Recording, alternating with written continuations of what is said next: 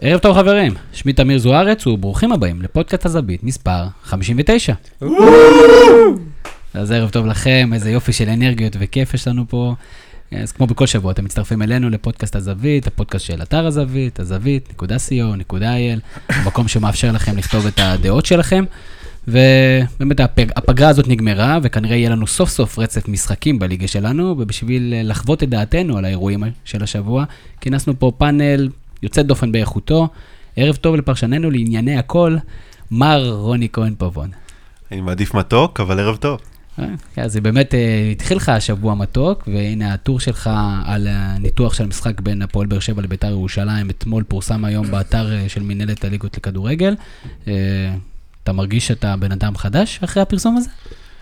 תראה, אחרי ערוץ הספורט ועוד כמה אירועים בולטים בחיי, התאכזבתי מאוד שלא הייתה תמונה, אבל uh, מתחילים, מתחילים מאיפשהו בסוף. והתייחסות uh, עניינית uh, לשיתוף הפעולה שיש uh, לאתר יחד עם מנהלת הליגות? קודם כל, אני חושב שהעובדה שהמנהלת בקשר ישיר עם תקשורת אלטרנטיבית כמונו, זה, זה כבר מעודד. תוסיף את העובדה שהאתר שלנו מאוד רציני, מספק נתונים מאוד מאוד חשובים להבין את המשחקים בליגה שלנו, את המעבר שאתה לא יכול לראות במשחק. מעבר לזה, גם דיברנו על זה לפני שעלינו. אתמול, שהתחלתי לערוך את, ה, לערוך את הטור, גיליתי שעשר דקות אחרי המשחק בערך הנתונים כבר אה, התעדכנו, שזה מאוד מרשים. ו- וכיף שיש גוף כזה רציני שלוקח את הכדורגל שלנו ברצינות. זה עוד, עוד צעד בדרך אה, להתקדם. אז זהו, אנחנו לא מבקרים יותר את הגוף הזה? חס וחלילה, גוף מושלם, וגם אנשים שהיו איתנו בקשר נעים פלוס. יפה מאוד. אז אה, קודם כל תגידו שלום למצלמה, אנחנו מצולמים גם כן בלייב, בפייסבוק לייב, אז אתם גם כן, לא צריך להציג אתכם, אתם פשוט, אתה יודע, תגידו, אני פה. אבל אה, אם נהיה רציניים, הישר מאצטדיון טדי, איתנו היום שי טביבי, ערב טוב שי. ערב מצוין. קודם כל אני שמח שהפעם שמרת על הקול שלך, וחוץ מזה, תן לי ציון למשחק המחזור שהיה אתמול. מהזווית של אוהד באר שבע או מזווית של אוהד אובייקטיבי? מהזווית, אה, קודם כל, אתה יודע מה, בוא נתחיל באמת מאוהד אובייקטיבי. האווירה, דרכי הגישה אפילו. איצטדיון טדי, זה שווה את המחיר האולי מופקע שגבו שם? לא, אבל זה דיון בפני עצמו וזו תוכנית אה, שלמה, אז אנחנו נתעסק רק בכדורגל. מבחינתי, תשע. ציון תשע, מה היה חסר לך בשביל שיהיה עשר? שלא תחטפו גול דקה 92? אני חושב שיריבה שנותנת אה, fight קצת יותר טוב אה, למעמד. אז אתה מדבר ברמה המקצועית, ואנחנו נדבר ברמה המקצועית, אבל אחלה משחק היה אתמול. בכלל, היה משחק, היה מחזור טוב, אנחנו נדבר על זה. Uh, יחד איתנו גם כן הבחור מנתניה, ערב טוב לדניאל יצחקי. ערב טוב. דניאל, איך, עם איזה תחושות אתה יוצא מהמשחק נגד מכבי חיפה? האמת שקשה לי בדיוק לשים את האצבע על התחושה המדויקת, כי מצד אחד, אה, איך שהמשחק היה בהתחלה, אז אכזבה, מצד שני, בסוף היה כמה הזדמנויות לחיפה שיצאנו מרוצים מהתיקו.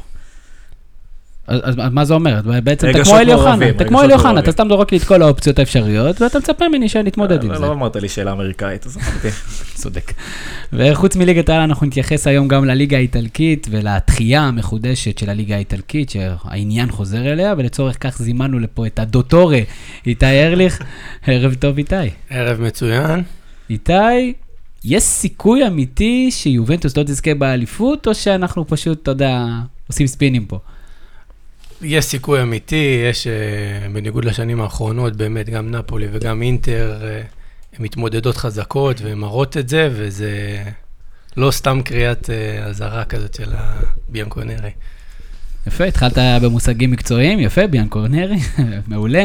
אז לפני שנצלול לעניינים שלנו, אנחנו מתרגשים שגם השבוע יש לנו חסות לפודקאסט שלנו, וגם הפרק הזה מוגש לכם בחסות אינטראקטיב ישראל, שהיא פלטפורמת המניות היחידה בישראל, המאפשרת לכם להשקיע במניות של קבוצות כדורגל ברחבי העולם. יש 26 מדינות מ-120 בורסות, ותוכלו לגלוש לאתר שלהם, inter-il.com, ולגלות עוד פרטים. אה, מההיכרות שלנו, חבר'ה על הכיפאק, ואני מניח שלא תהיו בטוחים לגבי דברים מסוימים, ישמחו להסביר לכם. אז יש לנו הרבה על הפרק, קודם כל סיכום מחזור י"א, אני קורא לו מחזור יא, ובדגש כמובן, בדגש על שלושת המשחקים המרכזיים, גם מכבי תל אביב ופועל חיפה, גם בית"ר ירושלים ופועל באר שבע, גם מכבי חיפה, מכבי נתניה. אה, חוץ מזה ננסה לבחור את שחקן המחזור, את תופעת המחזור, עוד קצת תובנות, היה לנו סיפור עם שופטים. בכלל, כל הסיפור של השופטים עולה וחוזר ויורד, ואנחנו ניתן גם חלק לליגה האיטלקית. יש את uh, מילאן על הפרק, יש לנו את uh, אינטר, יובנטוס, עוד כמה קבוצות מעניינות, ובכלל, מה, מה, מה חדש בליגה האיטלקית השנה שעושה את ההבדל, וחוץ מזה יש לנו גם את שאלות הגולשים שלנו, שנתייחס אליהם, שאלות שהגולשים שלנו העלו, וכמובן דברים שיתשאלו אותנו בלייב. אז אני כבר רץ-אץ למשחק המחזור, כמעט אמרתי משחק העונה, אבל שי, עכשיו אתה תסביר לי למה זה לא משחק העונה, אלא רק מחזור, משחק מחזור, ואולי עוד סיבוב, אנחנו לא נזכור שבית"ר ירושלים הייתה בצמרת.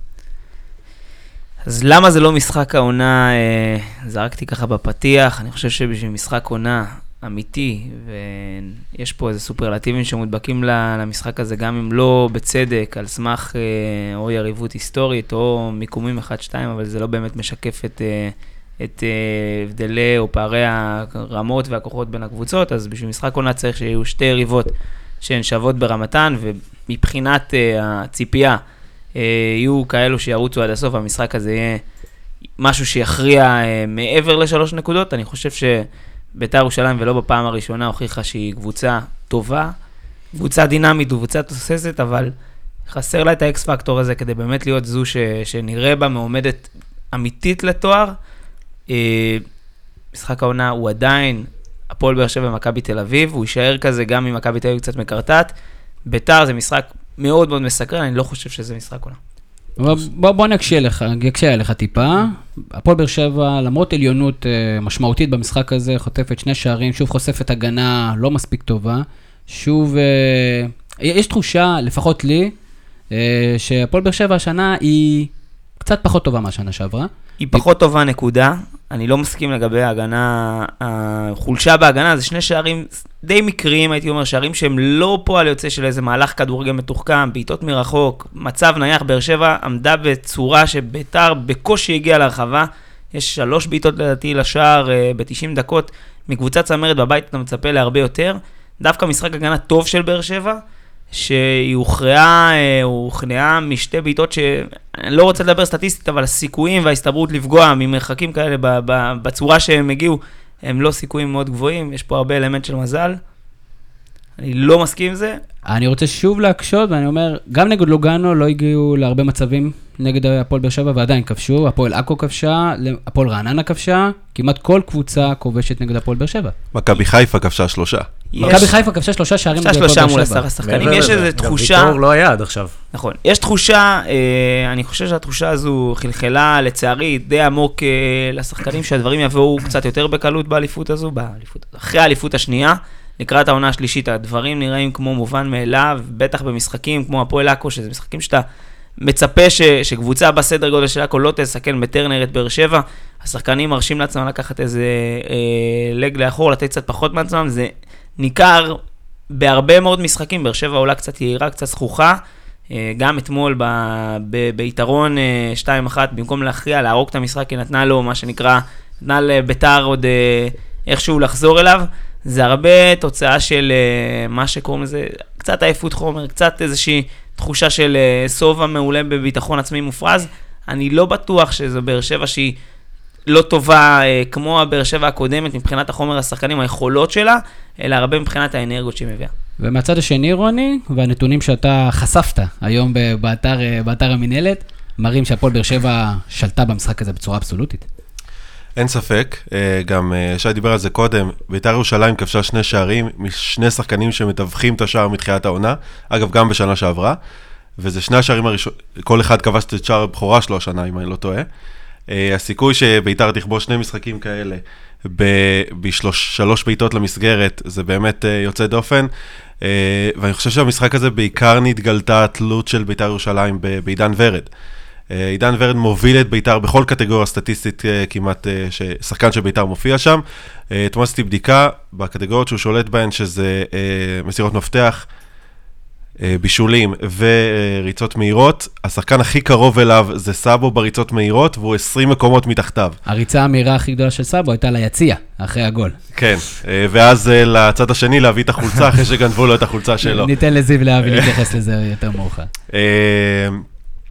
ו- ובהחלט אתה רואה את ה... גם דיברתי על זה בטור, מי שניסה להיכנס לנעליים של עידן ורד זה קלאודמיר, שלדעתי היה מעולה אתמול. אני כל שנה, אני אומר, טוב, הוא שחקן קצת דרדלה, אבל אני רואה איזה תלות לביתר יש ב, ב, בשחקן הזה במרכז הקישור. ראינו גם תקופות שלו בלי uh, קלטינס תומך בו, והוא עדיין החזיק את הקישור של ביתר, וביתר העוצמה שהיא באמת במרכז, ו, ויש לו חלק מאוד משמעותי. וגם במשחק אתמול, הוא זה שניסה לכסות על הפער של ורד, ראינו, הוא עלה מ-31 ריצות מהירות בממוצע ל-57, שזה עלייה מטורפת. Uh, אבל הוא לא השחקן שייתן את הפס לגול לביתר, בטח לא ייצר את המצבים. אז ביתר בפוקס השוותה, והליגה רק הרוויחה. דניאל, אתה מסכים עם זה שביתר ירושלים בעצם במשחק הזה אומרת, אני עדיין לא, אין לי סגל שחקנים לאליפות, אני לא רץ על האליפות, אבל uh, אני פה על, על אנרגיה והתלהבות? נתחיל מזה שאני חושב שקשה לנתח את המשחק הזה ולהגיד ביתר ככה או ביתר פה, בלי השחקן הכי טוב שלה. אז לגבי הניתוח של רוני אני מסכים לגמרי. ביתר עם עידן ורד או ביתר בלי עידן ורד זה קבוצה אחרת. הוא הכי מסוכן, הוא הכי יוזם, הוא הכי הכל בערך. אה, לגבי באר שבע, לטעמי המשחק הכי טוב שלהם העונה. אה, ועדיין לא ניצחו. אבל הם שיחקו מושלם, הם שיחקו ממש טוב. בהחלט, גם הסטטיסטיקה. לא נכנס הכדור האחרון, החמצות של בן סער, אה, נוואקמה קצת, אבל המשחק עצמו, אני חושב שהם חזרו, אתמול הם הוכיחו שהם הכי חזקים בליגה. אני רק רוצה להוסיף משהו לעניין של מה ששי אמר, אני, על בית"ר ירושלים. אנחנו נדבר על זה בהמשך, על, על מאמנים, על קבוצות של מאמנים, ו, ובני בן זקן בסוף זה... אני, אני מסתכל על זה מהצד, אני מכיר אותו אישית, את הבחור הזה שגדל בקריית שמונה, וזה לא יעזור. הוא לא... אתה רואה שביתר לא, לא בא עם איזה טקטיקה, לא בא עם איזה תוכנית משחק או עם אסטרטגיה, ובאמת, אתה רואה קבוצה שהיא לא ידעה מה היא רוצה מעצמה, וזה היה לא ברור. פשוט לא ברור, ו... אני רוצה להתעכב שנייה על, על הסוגיה הזאת של בית"ר ירושלים, אה, רוני. אם אנחנו מדברים על, על בני בן זקן, אתמול שמענו בדקה, החל מהדקה ה-73, קריאות אה, להתפטר לבני בן זקן. יש יסוד, יש בסיס לטענות של הקהל של בית"ר ירושלים כנגד בני בן זקן, או בגלל שהוא פשוט שם שקל אה, לגדף אותו? אתם יודעים, פשוט רוצים עוד עונה בתוכנית של קח אותי אלי, כי אלי טביב, רוצים לאתגר אותו שיביא הפעם מאמן מליגה נמוכה יותר, שאפילו פחות מוכר מאחרים. אני לא מבין מה הם רוצים. לא בגלל שבית"ר ירושלים הייתה כל כך יוצאת דופן מבחינה טקטית, או היא עושה איזה משהו יוצא דופן מאז שבני בן זקן הגיע. בית"ר ירושלים כבר שנים לדעתי משחקת אותו דבר, נראית אותו דבר, יש איזשהו DNA שמתפתח שם של מועדון מבחינת שיטת המשחק ו- והדרך שהם מנצחים משחקים. מה שכן מטריד אותי לגבי בני בן זקן זה שתי תופעות ששמתי לב אליהן אתמול. א', זה החילוף של חן דילמוני, כלומר הקהל קרא לחן דילמוני לא להיכנס, הוא חוזר לספסל, בניון מתערב, מדבר עם המאמן, בסוף חן דילמוני נכנס, לא, לא ברור מה קרה שם. די ביזיוני. והדבר השני, וזכרתי את זה אתמול, זה, כתבתי הטור בשעת לילה מאוחרת והסתכלתי על זה שוב, קונט, קונטה, תקראו לו איך שאתם רוצים, אני מאוד מאוד ציפיתי לראות אותו השנה, מאוד התאכזבתי שהוא הפך להיות בלם, ואני עוד יותר מתאכזב לראות שיש לו ירידה דרסטית ביכולת uh, בעונה הזו, ואני חושב שהנתון הכי מדאיג uh, מבחינת השחקן הזה, בית"ר ירושלים, הסתכלתי על הממוצע, המיקום הממוצע של השחקנים שלה אחרי המשחק, ואז אמרתי, מה, הם שיחקו uh, 3-5-2? כי קונט היה על העמדה של קלטינס כל המשחק, בית"ר ירושלים שיחקה ללא מגן ימני, גם במצב ש... במצבים שהפועל באר שבע כן הגיע מאגף ימין, הוא נעלם או הלך או היה סתם מיותר שם, וזה תפקידו של מאמן, ואתה רואה שזה קורה כבר כמה משחקים, זה אולי מעלה סימן שאלה לגבי, לגבי המאמן, אבל בטח לא לפטר בשלב הזה. יש לפחות מאמן אחד, ואני בטוח שאני אתייחס אליו בהמשך, שהייתי מפטר לפני. כן, אבל אתה הבטחת לנו שהוא כבר לא יהיה פה, אבל אנחנו נחזור אליו, ויפה שהצלחת להכניס רפרנס למכבי חיפה, זה ממש מפתיע אותי. שי, מה עבד טוב להפועל באר שבע? אני חושב שראינו את, את השילוב בין uh, וואקמה למליקסון, uh, מתחיל להזכיר קצת את העונה שעברה, את התקופת השיא של באר שבע עם... Uh, גל החמישיות שהיא חילקה אה, שבוע אחרי שבוע. וואקמה ומליקסון בתפקידיהם, הנה זה תפקיד חופשי על המגרש, אולי נצמדים קצת יותר לשמאל, כי לוואקמה יותר נוח בשמאל, אבל זזים ימינה-שמאלה, משחקים יחד, ראינו פה את באר שבע אה, פורצת את ביתר בדקות אה, מסוימות, שאת ביתר התגוננה והייתה קצת מסודרת מאחור בצורה נהדרת. באר שבע שיחקה אתמול משחק מהיותר טובים, אני מסכים, מהיותר טובים ששיחקה בשנים, בשנה האחרונה בטוח. אה, עוד דבר שעבד מאוד טוב לבאר שבע, אני חושב שזה דווקא אייבנדר ורדי, שהגיעו אה, איזה 50-50 בקישור, הצטרפו, נתנו איזשהו בליץ מאחורה עם לחץ מטורף, באר שבע שיחקה כדורגל טוב. מה שלא עבד טוב לבאר שבע, אני חייב לחזור גם לזה, זה הוגו שנמצא במה שנקרא תופעת האפטר אה, נבחרת ניגריה הקבועה שלו, שהגיע גם אתמול קצת אה, שאנן, ומשחק אה, בינוני של צמד המגנים. סך הכל משחק טוב. שייד, אני מסתכל על הפועל באר שבע, ואני מסתכל על עונה לטווח ארוך, אז לא יהיה להם את ההמשך של הליגה האירופית, אבל עדיין יהיה להם את הליגה, הם אחרי לא מעט משחקים השנה, לדעתי מעל 20 כבר, בטח אם נוסיף את גביע הטוטו ומפעלים מיותרים נוספים. הקישור המרכזי של הפועל באר שבע, שבנוי מאייבינדר, רדי ואוגו, שא' לדעתי זה קישור הרבה פחות מוורסטילי ממה שהפועל באר שבע התרגלה, התרגלה בשנים האחרונות. וב', רדי כבר בן 35, אני חושב שיש לו תפקיד מאוד מאוד מרכזי במערך של הפועל באר שבע היום בלפתוח הגנות. הוא, אני, במשחקים שאני עוקב ואני רואה את הסטטיסטיקה של הקבוצה, הוא לא יורד מ-4-5 בעיטות לשער, וזה חלק מה, מהאופן שאתה רואה שהקבוצה פותחת את ההגנות. אתה יכול ש... אתה חושב שהקישור הזה יכול במהלך העונה להחזיק את הקבוצה בדרך לאליפות? אני חושב שכן. אני חושב שגם יש מספיק אלטרנטיבות בספסל, גם אם אנחנו לא... כרגע, נגיד, היום הוא עלתה באיזושהי... בכותרת קצת שלילית. אה, מיכאל אוחנה, שראינו אותו כבר בשנה שעברה, נכנס לעמדת ה-50-50. מה שאייבינדר משחק היום בצורה טובה, ועוד יכולה לראות אותו בהמשך, באר שבע. יש עוד כמה שחקנים שיכולים להיכנס למשבצת, אם זה וובה בראון, שראינו אותו חוזר משום מקום נגד מכבי תל אביב, ברצף עד שהוא נפצע, ועושה דווקא את התפקיד שבין, יותר דומה לאיימדר מאשר לרדי. את רדי אני באמת מסכים שקצת קשה כרגע להחליף. אם אנחנו מדברים על, עם הפנים קדימה על, על העונה שאחרי רמרן רדי, אמרנו את זה גם עונה קודם, באר שבע הראתה בשנים האחרונות שיודעת לייצר אלטרנטיבות, יודעת לייצר מחליפים, מדי פעם המחליפים פחות טובים מהקיים, אבל באופן שאתה מחלק את זה בין שחקנים שמגיעים לאלה שעוזבים, היא, היא לא נפגעת כרגע למרות עזיבה של שחקנים משמעותיים לאורך הדרך. גם גיא מלמד נכנס עכשיו לרוטציה, אני חושב שזה גם חיזוק טוב אחרי העונה שעברה שלו. אה, אני חושב שדווקא בהתקפה היא הביאה מחליפים, הם עוד לא הוכיחו את עצמם, גם זריאן וגם אה, מלמד, ואני חושב שעמדת החלוץ, בעיקר שפקארד לא, לא מספק את הסחורה עד עכשיו, ובן סער, אה, למרות ארבעה שערים ובלא מעט, ביחסית מעט דקות, הוא עדיין מחמיצן, לדעתי. אבל אני חושב שגיא מלמד, שהוא המחליף שלו, עדיין לא הוכיח את עצמו בהפועל באר שבע, הוא יותר בנוי לקבוצה שמשחקת על... הוא עדיין לא לשחק. עד עכשיו, נכון. כן. אה, וזריאן... שובר שיאים בלשפוט אה, שחקן. לא הוכיח את עצמו בפציעות. שלוש דקות שלו במגרש. לא, אני אומר, הפועל באר שבע עדיין לא יכולה לסמוך עליו אה, כמחליף. זריאן, דיברנו על זה גם לפני שהתחלנו להקליט, הוא יותר שחקן אגף ולא בדיוק חלוץ שפיץ, אבל דווקא שם אני, אני פחות דואג. הפועל באר שבע, אני חושב שדווקא במרכז, כמו שאמרתי קודם, הירידה בין שחקני הספסל לשחקני ההרכב, לפחות איך שאני רואה את זה עכשיו, אמרת את בראון, לדעתי הוא שתי רמות פחות אה, אה, מהשחקנים שפותחים בהרכב. אה, זו החוליה ש... שדורשת חיזוק בינואר. יכול להיות שאתה צודק, אני לא פוסל את זה, אני גם חושב שלפני, כשבאר שבע נקלעה לתקופה הפחות טובה, אחרי מריבור, אה, הוא עלה שמו של אלמוג כהן כמי שיכול להגיע, גם מרואן קאבה הוזכר. אני לא חושב שבאר שבע, אם תצטרך, תהסס לצרף מישהו, ראינו את בכר מתמרן יופי בעומס שחקנים ובסגלים אה, אה, לא קצרים בכלל. כרגע, נכון לעכשיו, ובהינתן המצב בליגה, אני חושב שזה עושה רושם שזה מספיק.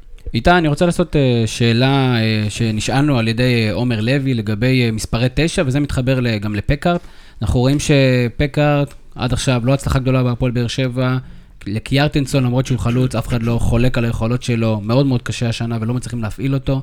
אנחנו רואים שאין היום חלוצי תשע קלאסיים, למרות שתמיד אנחנו אומרים, יבוא תשע קלאסי, יקרא את הליגה, קבוצות מאוד מאוד מתקשות, ועומר לוי שואל שאלה, למה זה קורה? למה עדיף חלוצים מהירים וזריזים ובעלי אה, משחק טוב אה, עם הפנים לשער, ודווקא כאלה עם גב לשער פחות מצליחים בליגה שלנו?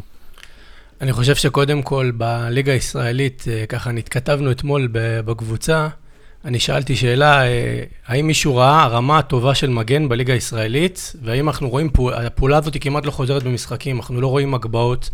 אני חושב שהמסירות בליגה הן פחות טובות. אה, מן הסתם הגבהות, אם אתה מסתכל ליגה אנגלית, אפילו בליגה איטלקית, אה, משחקים מהצדדים, מהאגפים. ולנסיה, אפילו שאנחנו ראינו משחק, הכנסות כדור, אתה רואה שפעולות פשוטות, זאת אומרת, אה, כל שחקן כדורגל מכיר שבאימונים עושים אה, תרגילים כאלה שבאים מהצדדים ומכניסים כדור לרחוק, אה, ופה בארץ אתה פשוט לא רואה את, את, האספקט הזה במשחק, זה לא קורה. זאת אומרת, לא... לא, החלוצים לא, לא ניזונים, לא מקבלים את הכדורים. עכשיו, לעניין של קיארטנסון, אני רוצה לגעת נקודה ספציפית. אני חושב שאיפשהו שחקן זר שהגיע מאוד רעב, נתן, נתן הרבה נתונים, בהתחלה הרבה, הרבה שערים, ואיפשהו אני, אני לא רואה שחקן זר שהוא מתקדם בארץ. לדעתי, כאילו, חסר לו איזה רעב מסוים, ואני לא, אני, אני, אני לא, לא רואה איך הוא מתקדם מקצועית. אני לא יודע אם עובדים איתו, ואני לא יודע אם מישהו מאתגר אותו, או מישהו יושב איתו ועובד איתו מקצועית, אבל אני... זה מאוד קשור לנסיגה שלו. ואתה רואה פעולה פשוטה, היה לו שם פעולה נגד הפועל, נגד אה, הפועל חיפה, פעולה ממש פשוטה, שהכדור פשוט לא, לא נכנס לו, וזה מעיד על אה, איזה כושר לקוי במשחק, או איזה משהו ש, ש, שזה לא היה קיים בשנה שעברה שהוא הגיע. אה, זה, לגבי פקארט, אני עוד לא מספיק מכיר אותו, ואני עוד לא ראיתי אותו משחק טוב, אבל אני חושב שהוא פחות אה, משחקים אליו, ופחות, אה, הוא מקבל את הכדורים של מה שהוא היה רגיל לקבל. הוא שחקן מאוד פיזי, ו- וזה פח, פחות משחקים. המשחק, המשחק של באר שבע פחות מתאים לו, ואני חושב שהוא יותר הביא אותו בשביל שהוא יהיה איזה כלי, תקן אותי אם טועה שי, הוא הביא אותו בשביל להיות כלי באירופה, שיהיה לו איזה כלי שונה קצת מבן סער, ואני חושב שפה בארץ זה פחות מתאים, ו... שי, תספר לי על הסיפור הזה. מה אתה ש- רואה מפקארט? זה פשוט, זה הוא לא מפוקס, לא מכיר, לא יודע, או שלא מפעילים אותו? קודם כל לא מפעילים אותו. דבר שני, אני, אתה יודע, מצחיק להגיד שאני חולק על הקונספציה של בכר בעצם ההבאה שלו. בכר רצה להביא איזשהו שחקן, כמו שאיתי אמר, שחקן קצת שונה ממה שיש לו בס- בסגל, היה לו חלוצים שהם אה, מין איזה second striker או אה, חצאי ווינגרים, הוא רצה להביא חלוץ תשע אמיתי, אבל... חלוץ שלהם עם הגב לשער. נכון, אבל, אבל פקארט, לא בגלל פקארט עצמו, אלא בגלל שיטת המשחק, אולי אני רוצה לחזור קצת אחורה לה. הוא דיבר על הגבהות כדורים, אז לאו דווקא פקארט, יש איזו נטייה לחשוב שבגלל שהוא גבוה צריך להרים כל כדור למעלה. הכדורגל הישראלי אין לו תכלס. משחק, השחקני כדורגל, גם הטובים שלנו, גם נוואקמה וגם מליקסון, מתמהמהים עם הכדור המון באגף, משהים, נותנים הרבה מאוד זמן להגנות להתארגן על החלוץ תשע הקלאסי, כמו פקארט, שהוא לא ניזון ממהירות. הוא מחכה לכדור במשבצת, אני רואה את נוואקמה מקבל את הכדור לעוד איזה מוב ועוד מוב, וה- והרגעים האלה גומרים לו את המשחק. אז יכול להיות שהכוונה להביא אותו לזירה האירופית הייתה כוונה נכונה, ספציפית, הוא לא מתאים לתבנית של הפועל באר שבע, הוא לא סוג השחקנים שהיה צריך להגיע. להגיד את זה כשבכר בוחר שחקן זה קצת uh, גדול, אבל אני חושב שגם בכר מתחיל להבין. פקארט לא מתאים לפועל באר שבע ולא שחקן מסוגו. אני חושב שאנחנו לא יכולים לנתק את הדיון של מה שקורה בארץ ומה שקורה בעולם, כן? גם תפקידו של חלוץ התשע, אולי למעט הפרמייר ליג, שזה, היא עדיין שומרת על התפקיד הקדוש הזה, זה כן תפקיד שחלק גדול מהקבוצות, אני לא רוצה להגיד שזה נעלם מהעולם, אבל חלק גדול מהקבוצות משנות אותו. הרבה מהכוכבים היום בקבוצות הגדולות באירופה, ו... אבל לא רק, אה, זה הווינגרים או החלוץ המדומה, אה, ותוסיפו לכל זה את העובדה שרוב הקבוצות בארץ, כלומר, הפועל באר שבע משחקת נגד מכבי תל אביב, זה כנראה המשחק הפתוח היחיד שלה במהלך השנה. רוב הקבוצות משחקות הגנה טיפשה, שזה פשוט להעמיד המון המון שחקנים אה, ברחבה, וצריך למצוא את הדרך לפתוח את זה. וחלוץ תשע שתקוע באמצע הרחבה רק יוצר נזק. ד- צריך את החלוץ הזה שיוצא מהרחבה, פותח, אה, מפנה שטחים. דווקא לנקודה הזו, שחקן גדול כמו פקארט אמור להיות איזשהו סוג של שובר שוויון. אני חושב שכשהמשחק צפוף, שחקן שמסוגל לשנות את המהלכים תוך, תוך כדי הניצול של הגובה, של, של הגודל, הוא, הוא יכול להיות כלי מרכזי, אבל... אבל גם צריך- בהגנה מעובה, הוא לא יוצר לעצמו גם בהגנה מצבים. מרובה, אני ראיתי את פקארט, במעט שראיתי, יש לו יכולת לנ- לנתב כדורים מתוך הרחבה, כדורים טועים, כדורים שהגנה מצופפת סוגרת ל- לעוד איזה חצאי מצבים, את זה הוא יודע לעשות טוב. העניין הוא ששיטת המשחק כולה הופכת להיות כזו שלא מתאימה לבאר שבע של בכר, היא התאימה קצת לאלישע, הכדורים, הקשתות להרחבה, הכדורים שמנצלים, מנצלים את המת... באר שבע כזו שהולכת לשחק את השיטה שפקארט רוצה, באר שבע שמאבדת לגמרי את הזהות שלה, אני לא חושב שבכר ילך לשם. לא, אני חושב שבאמת, כאילו, ההתייחסות הייתה לאירופה. הרי באירופה אתה צריך יותר מסגנון משחק אחד, בליגה הישראלית אתה יכול ללחוץ, אתה הקבוצה הדומיננטית, אתה שולטת, האיכות של באר שבע מנצחת בליגה, אני לדעתי בכל שיטה. קשה מאוד, קשה מאוד לעשות אה, קבוצה לליגה וקבוצה לאירופה, בטח כשהקמפיינים, אה, אף אחד לא מבטיח לך שיהיה קמפיין כזה ארוך, ואתה לא תשנה את לא השיטה שלך. מבטיח, אבל במידה ועונה ארוכה, אתה כן צריך לתחזק אה, מספר שחקנים, אתה יודע, טיפה אקסטרה, או אפילו ל- שיטת משחק יותר מגוונת. אז נגמר אירופה, נגמר פקר? לדעתי, כן. אני חושב שעוד לפני כן, אני חייב להגיד לזכותו שמהמעט שראיתי אותו, וכשהוא קיבל את הכדור מהמקומות הנכונים, הגול שהוא נתן נגד נתניה זה שער אדיר של חלוץ, לקחת את נכון. הכדור אחורה עם החזה, להסתובב, לזהות איפה הוא עומד ביחס לחווה, יש לו את הדברים האלה, הוא שחקן כדורגל מאוד מוכשר, אני רואה את ההשתלטות על הכדור, דברים שאתה אומר, לא שחקן גמלוני ש- שרק יודע לדחוק מקרוב, אבל עוד פעם, חלוץ ניזון מהמון ביטחון, צריך הרבה מאוד דקות משחק כדי להגיע, גם עם קיארטנסון, זכרנו, שנה שעברה, מכבי הייתה סבלנית וזה השתלם לה, אני לא בטוח שבכר יש לו את ה... בטח לא כשיושבים מאחורה שחקנים רעבים שגם באים קבלות, בן סער הוא מלך שערים כבר שנתיים, הוא, גם אם לא מלך שערים, הוא מספק את הסחורה. אם לבכר יש את הפריבילגיה הזו להריץ את פקארט לשישה, שבעה, שמונה משחקים, לדעתי בינואר גם הוא וגם קוונקה, ואני עוד אגיע לזה, שניהם יכולים למצוא את הדרך החוצה. אל תופתעו אם זה יקרה, באר שבע, אה, אין לה יותר מדי ערכים סנטימנטליים לשחקנים, אה, ולשמחתי, גם לא צריכים להיות. לא בטוח שתגיע לזה. אה, אז מקבוצה שהוכיחה שהיא ללא ספק אה, רצה לאליפות, הפועל באר שבע, לקבוצה שהיה לה הזדמנות לצמצם את הפער במשחק שכבר היה לה בידיים, מכבי תל אביב איתי. מכבי תל אביב לא מרשימה, אני מבין שאומרים היה משחק טוב, זה לא המשחק של מכבי תל אביב, לא המשחק דומיננטי של מכבי תל אביב. באופן כללי, לגבי המשחק, באמת, יש, יש אנשים שיאמרו שהיה הרבה מצבים והיה קצב מהיר. אני ראיתי משחק שהוא משחק מבורדק. משחק שנובע מהרבה טעויות, הרבה מקריות, אה, הרבה הפקרות בהגנה, ולפחות אה, ככה, לא יודע אם לקרוא לזה הפקרות בהגנה, אבל חוסר אחריות של כל מיני, עמידה לא נכונה של שחקנים. אה, אני ראיתי את מכבי תל אביב כמה פעמים העונה, כל פעם אני רואה סגנון אחר, כל פעם אני רואה מערך אחר, אני רואה תחלופה מאוד גדולה של שחקנים. אני חייב להגיד שבתחילת העונה אני נתתי הרבה נקודות uh, לדוידדזה וחשבתי שהוא יהיה, שהוא יהיה בינגו, ואני רואה ככל שעובר המשחקים, אני רואה שהעמידה שלו לא טובה בהגנה. Uh, פשוט לא, לא יודע לסגור מספיק טוב, וזה לא, לא מתאים לרמה הזאתי. Uh, עוד, פעם, הוא יכול להשתפר, כן? אבל... Uh, זאת אומרת, היה לו שם כמה נקודות לא טובות. תקופה לא טובה של אופיר תקופה לא. טובה. כמה אה, לדעתך זה קשור לעובדה שאלירן עטר משחק איתו באגף?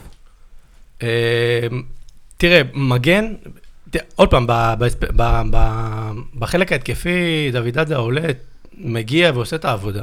אה, משחק יותר טוב, משחק פחות טוב, אבל הוא בסך הכל תומך בהתקפה ופותח, ו, ופותח את האופציה, שזה מאוד חשוב, אנחנו דיברנו על זה כמה פעמים. מה שלמשל שירן יני לא עושה. אז אה, אם אנחנו מדברים על המשחק נגד הפועל חיפה, אה, הפועל חיפה היא קבוצה שיודעת מה, מה השיטה שלה, והיא באה והיא עומדת, ב, יודעת לעמוד מסודר בהגנה, ולסגור, ומכבי תל אביב הייתה צריכה לתקוף עם יותר שחקנים, ולהצטרף, ולייצר אופציות.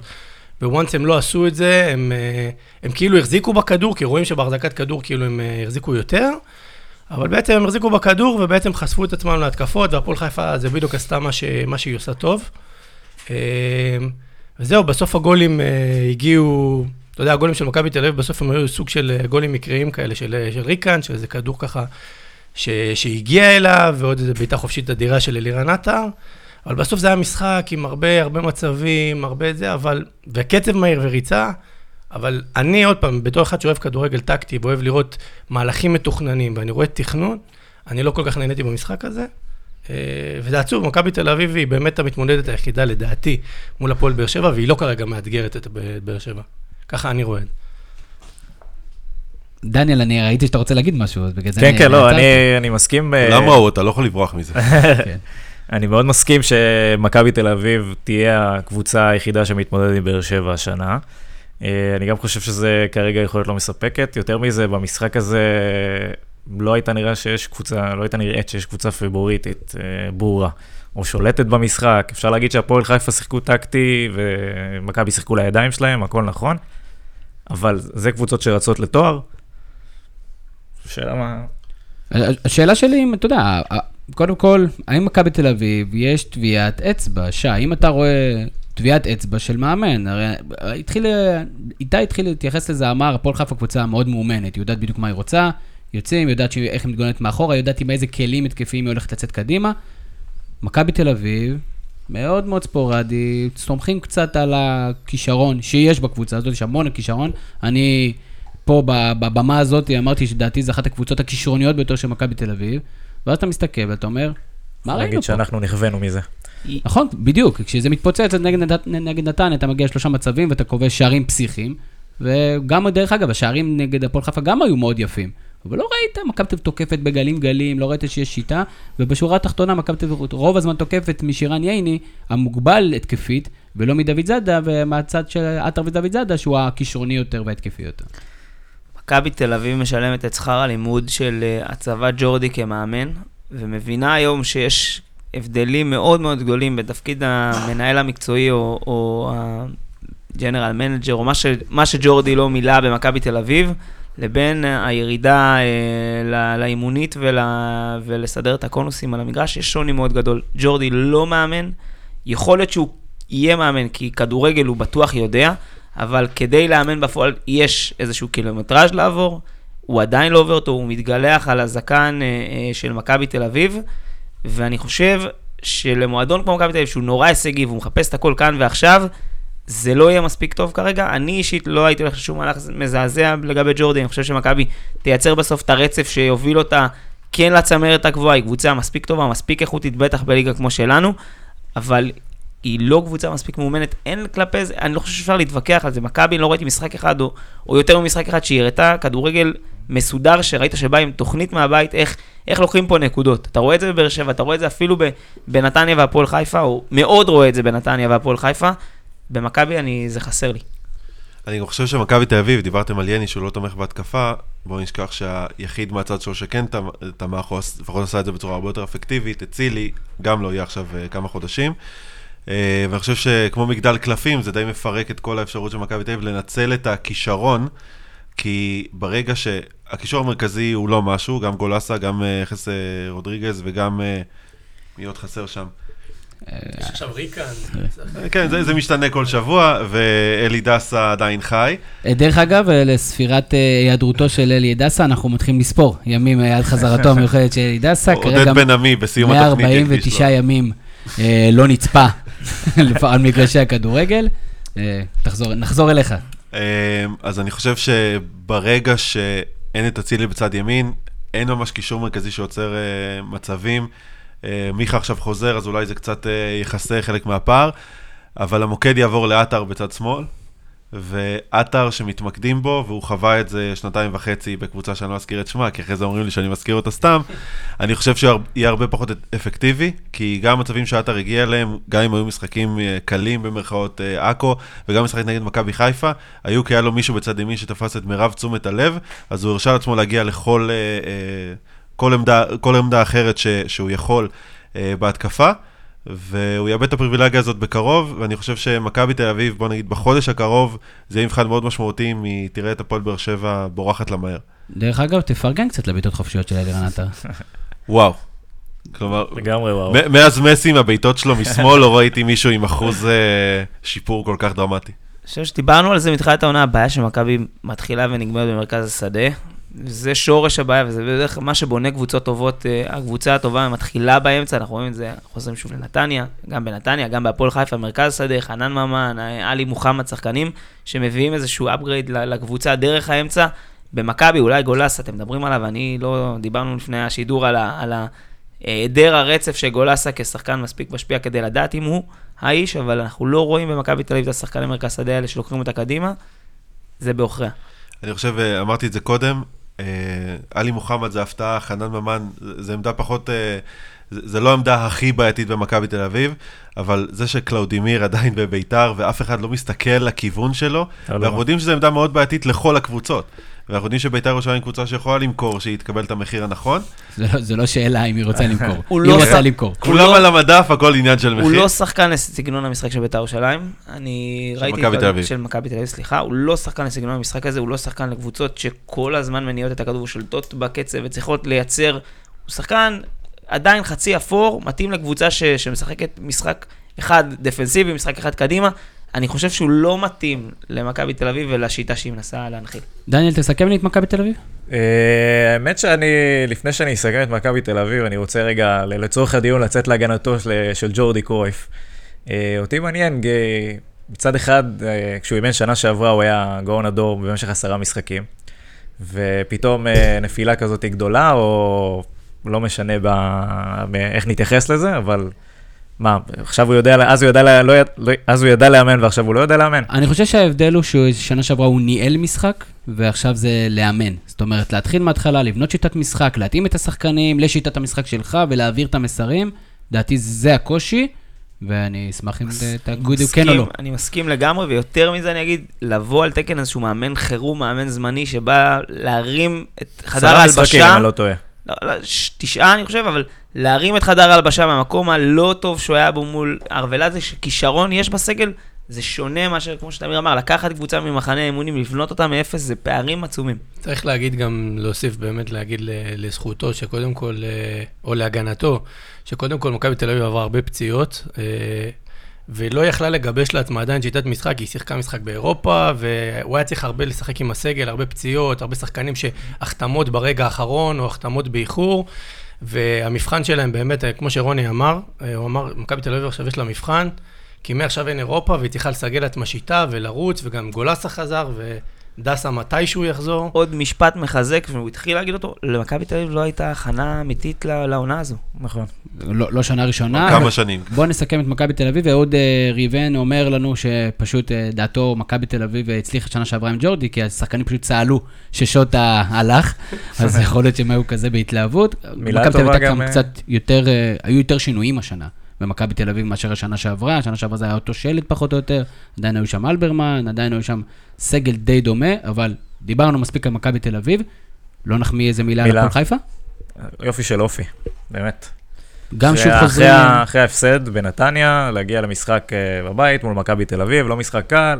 להיכנס לפיגור, נכון. לחזור, והם היו, לא היו רחוקים, מה זה לא רחוקים? אם היו מסיימים את ההזדמנויות שלהם כמו שצריך, היו מנצחים בתוצאה יפה. אני גם מנצל את העובדה שאני לא גדלתי, או אי פעם דרכתי בחיפה, אלא לצורך משחק כדורגל, אז אין לי את היריבות העירונית, אז אני בה- בהחלט יכול לפרגן להם, וגם דיברנו כמה פעמים עם קלינגר, כן משפיע על הקבוצה, לא משפיע על הקבוצה. תסתכלו על כל המצבים של אלון תורג'מן השנה, הם נראים אותו דבר. אה, ואנחנו רואים שיטת משחק של הפועל חיפה, אני מוסיף כוכבית, לדעתי יש לה רק אחת. כלומר, אתה יודע בדיוק מה היא תעשה כל הזמן, בניגוד אגב לנתניה, שהוכיחה כמה פעמים שינויים ב- בהזדמנות כאלה ואחרות, במיוחד שהייתה בלי ערן לוי, נדבר על זה, אבל אה, אלון תורג'מן שחקן, מזיכרוני אצלנו, לא הכי ממושמע, לא הכי מבין את המשחק, הוא, הוא וחנן ממן אה, נראים לי כצמד אה, שיודע לעבוד ביחד בליגה הזאת. נשמע לי כמו חנן ממן וכל אחד. שווה להיות מאחורי, להיות אה, מלפני חנן ממן, אתה תקבל את הכדורים. ורוני, אם אנחנו אומרים חנן אה, אלון תורג'מן ומדברים על האקזיט שלו, בוא נדבר קצת על האקזיט שלו. מכבי חיפה יוצאת לנתניה. חשבתי שאנחנו סוף סוף נדבר על צהוב. אה, כן, הנה, צהוב, הכרטיס הצהוב שקיבל מישהו. בסופו של דבר, מכבי חיפה פוגשת את הפועל חיפה שבוע הבא לדרבי. הפועל חיפה פייבוריטית? כי נגד נתניה היה ברור מי הפייבוריטית. זו שאלה קשה. אני שואל רק שאלות קשות. אני אגיד לך למה הפועל חיפה פייבוריטית, כי אם מכבי חיפה הולכת למשחק נגד מכבי נתניה, שערן לוי משחק, ואין שחקן שמתקרב לערן לוי, מה זה לערן לוי? עשרה מטר מערן לוי כל המשחק, זה מראה לך שלמרות שלהפועל חיפה, כמו שאמרתי, יש שיטת משחק אחת לדעתי, מכבי חיפה תפספס את זה ובגדול, ותיפול למלכודות של הפועל חיפה. אם אפשר להוסיף, אז אני חושב שעד עכשיו, לפחות מה שראינו ממכבי חיפה, זה שהיא לא קבוצה טובה בתור קבוצה יוזמת. היא קבוצה שמגיבה. סנס 2012. אוקיי, איך, ש, איך שלא נסובב את זה. Uh, הפועל חיפה היא גם לא קבוצה יוזמת, uh, מה שיכול ליצור פה מצד אחד שיהיה מומון גדול, או התקפות מתפרצות והרבה גולים. בדרך כלל שזה קורה שמכבי חיפה נגד קבוצה שאינה יוזמת, באיזשהו שלב הקהל גורם לה להיות יוזמת, ואז היא מבינה שהיא לא יודעת ליזום ומפסידה. אז אה, אם נסכם את הדיון הזה, מכבי חיפה תבוא פייבוריטית ותפסיד באופן מאוד צפוי. למה סיכמת את הדיון? תן לו לדבר. אז, אז באמת זה יהיה מצ'אפ אה, מעניין, כי לדעתי קשה ממש לחזות איך המשחק הזה יתפתח. אה, גיא לוזון ישנה שיטה כדי להתחיל ליזום מול, מול הפועל חיפה, כי קלינגר לא נראה לי שישנה שיטה.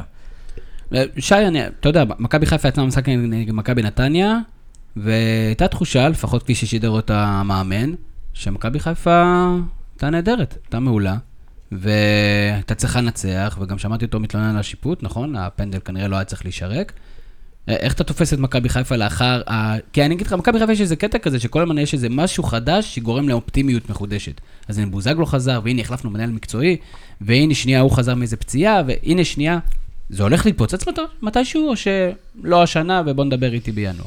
שאלה למה מצפים. אם, אם מצפים שההתפוצצות תוביל את מכבי חיפה לרוץ השנה על תארים, ורוני הסכים כבר בתוכנית פתיחת העונה שזה כנראה לא יקרה, אז, אז זה לא יקרה. אבל אם מצפים שמכבי חיפה תידבק קצת כקבוצה, תתחיל איכשהו לחבר אליה שחקנים חדשים כמו בוזגלו, כמו רמי גרשון, ולהיראות קצת יותר כמו קבוצת כדורגל ולא כמו אסופת שחקנים, אולי זה לא יקרה תחת גיא לוזון, אבל זה יקרה מתישהו. אתה לא יכול לה, להדביק שחקנים טובים. יש במכבי חיפה חומר שחקנים טוב, ולהמשיך משחק אחרי משחק, לראות שום דבר שנראה כמו קבוצה, ולא איזשהו אוסף של שחקנים. אז צריך לחלק מה מצפים. מצפים שחיפה תרוץ במקומות 3, 4, 5, אני מניח שזה יקרה, יש לה מספיק חומר איכותי. מצפים ליותר מזה? כנראה שלא העונה. למכבי חיפה צריך להיות יעד אחד השנה, וזה להשאיר 70% מהסגל לשנה הבאה. שום דבר אחר לא חשוב, והספיקה לנו אסטונית אחת כדי להבין שגם אירופה, אז נחכה עוד שנה. כנראה להבין שזה, לא. כנראה שזה לא יקרה. הגיע מנג'ר עכשיו שקיבל את רוב הסגל אה, בירושה מ- מגיא לוזון, או מי שלא בנה אותו בקיץ. אני מניח שהוא יגיע בקיץ הבא, יחליף זרים, יעשה את המהפכות שלו. אתה תראה עוד עונה במכבי חיפה שינויים. אני צר לי לאכזב אותך, רוני, אני פרסונליים, יכול אבל לספר. בשיטה כבר אפשר להטמיע. אה, דיברו על השיטת משחק שלו בויטסה, ודיברו על הדברים שהוא הולך להביא.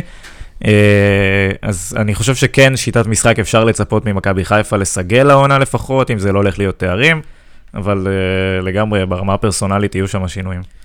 אני חושב שדיברת האם, האם מכבי חיפה, אה, לטענתו של גיא לוזון, הייתה צריכה לנצח, ואם הוא צודק. ראיתי את המשחק, ראיתי את ה-20 דקות האחרונות, הוא יכול להגיד שהגעתי לשני מצבים מעולים, המצב ההוא שקלאוס, האגואיזם ההזוי הזה, לא למסור שם לרוקאביצה, לגלגל מול שער ריק, אז בהחלט אתה יכול להגיד, כן, יכלתי לנצח. אבל זה להתעלם לגמרי מחצי שעה שלמה שמכבי נתניה שכבה ברחבה ועשתה ככל העולה על רוחה אה, למגרש. אז אם אתה לוקח את הרבע שעה האחרונה ומזה אתה גוזר אם חיפה הייתה שווה ניצחון או לא, אז כן, חיפה הגיעה למצבים טובים, יכלה להכריע את המשחק. יכל לנצח ויכל להתקרב לחולת הצמרת, כי כולם איבדו נקודות. נכון, היא גם יכלה לרדת במחצית עם שלוש, אה, שלושה שערים אה, ברשת, אז תלוי איפה אתה מסתכל על זה. זאת אומרת, צריך להסתכל על זה. ואיך אתה מגדיר את מכבי נתניה בינתיים? אמרתי לפני השידור, זה קבוצת חצי השעה מהטובות שאני זוכר בכדורגל הישראלי. קבוצת החצי חצי שעה. שעה, היא עולה למגרש, היא טורפת את הדשא, משהו עם אנרגיות, עם דיה סבא, כולם עם כושר גופני, ערן לוי שם גם, זה, זה החצי שעה שלו שהוא עוד... אה, לפני שהוא גומר את האוויר, ה-GPS שלו משתולל, אבל אז מגיעה איזושהי נפילה, בטח בחצי שעה האחרונה, גם ברמת כושר גופני, גם משמעת טקטית, אומרים על דרפי שהקבוצה שלו עומדת טוב על המגרש, חצי שעה האחרונה, כבר לא משחק ראשון שאני רואה שמכבי נתניה, מאבדת את הצפון לחלוטין. ר- רוני, אני רואה שאתה מתמקם למיקרופון, אבל כן, אני לא לא, רוצה אותך שנייה, אני רוצה את איתי. איתי, אני, אתה מאוד מזכיר לי בשיטת המשחק שלך את ערן לוי. גם בכרס. בוא נדבר שנייה על אה, ערן, אני, אני דווקא, דרך אגב, פחות אוהב את הבדיחות אה, שאומן על ערן לוי. אני חושב שערן לוי הוא, בן אדם שעשו לו קצת עוול אה, במהלך הקריירה שלו לגבי הרבה דברים, וערן לוי הוא המנהיג של המכונה הזאת, לפחות כך נראה, עוד מעט תשמע את דניאל אומר את זה. איך ערן לוי משפיע על המשחק של מכבי נתניה? זה פשוט קבוצה אחרת. קודם כל, ב... קודם כל בהיבט של ה... כשחקן, קודם כל ב- באיכויות שהוא נותן. קודם, אה, הוא, הוא מייצר, קודם כל הוא יכול לאיים מכל מצב, הוא גורם לשחקני הגנה איזה פחד, והשוער אה, ככה כל הזמן מפחד. אז קודם כל הוא, באמת יכול לאיים. עכשיו, מעבר לבעיטות שלו, אני יותר מתייחס לראיית משחק שלו ואיך שהוא מחזיק בכדור ואיך שהוא... הוא, כמה שזה נשמע מצחיק, הוא, הוא איפשהו בקריירה שלו הוא התבגר והוא למד לשלוט קצת במשחק ו- ו- ולדעת מתי קצת צריך להחזיק את הכדור יותר, איך להחזיק את הכדור עם הגב. יש לו איזו איכות שהיא... אני עד לפני שנתיים אמרתי, ויכול להיות שיצחקו עליי פה, שהוא שחקן שהוא יכול אה, להיות כזה אס, והייתי אפילו מזמן אותו לנבחרת בשלב מסוים, כי הוא שחקן שאפילו ב, עם, ה, עם הפיזיות שלו וה, והכדורים והמסירות שלו, אפילו יכול לשחק בנבחרת. אז, אז קודם כל בהיבט כשחקן, יש לו הרבה מה לתרום. דבר שני, הוא מנהיג, והוא מטריף את הקהל, וזה עוזר, והקהל של נתניה זה קהל ש, שעכשיו הוא בשיא הטירוף, והוא תורם הרבה בקטע הזה, המורלי והמנהיגותי, מה שנקרא. ה- הבעיטת חמש שלו, קודם כל התרגיל הזה שהוא יעשה בעיטת חמש, הבעיטת חמש שהוא השאיר את סבא אחד על אחד מול גלאזר, זה אחד מהתרגילים זה דבר. שקורה הרבה גם. הוא קורה הרבה. כן. אוקיי, אז בוא תספר לנו עוד מה קורה הרבה במכבי נתניה, והאם באמת באימוני הכושר עושים רק חצי סיבוב, ואז בגלל זה נגמר הכוח בחצי השני. שאלה טובה, אני לא יודע, מתקשה להאמין שבקבוצה של אה, דראפיץ' וברדה, לפחות לפי מה שהם משדרים, יש ויתורים או דברים כאלה. ב, ב... זה, זה לא נראה לי מצטייר. אני לא באימונים, אבל זה, זה לא נראה ככה. אה, באמת, אה, אני אקח את ה-30 דקות האלה ואני אהפוך אותם ל-60, כי אין לך 30 דקות כרגע. אה? אין לך 30 דקות כרגע, יש לך 30 שניות. לא, על ה-30, על הקבוצה של החצי שעה. אני אהפוך את זה לקבוצה של 60 דקות, אה, אבל אני מסכים שיש אה, נפילה משמעותית בחצי השני של נתניה, זה קרה מול עכו, זה קרה ב... בעוד, בעוד בית"ר. אה, מספר, מספר, לא, לא, זה קורה בעוד משחקים אחרים, לא תמיד נענשים על זה. כי לא תמיד יש איכות לקבוצה השנייה כדי להעניש אותך, אבל, אבל זה קורה. אה, להסביר ממה זה נובע, יכול להיות שזה כושר גופני, שאלה באמת מעניינת, יכול להיות שזה גם משהו מנטלי.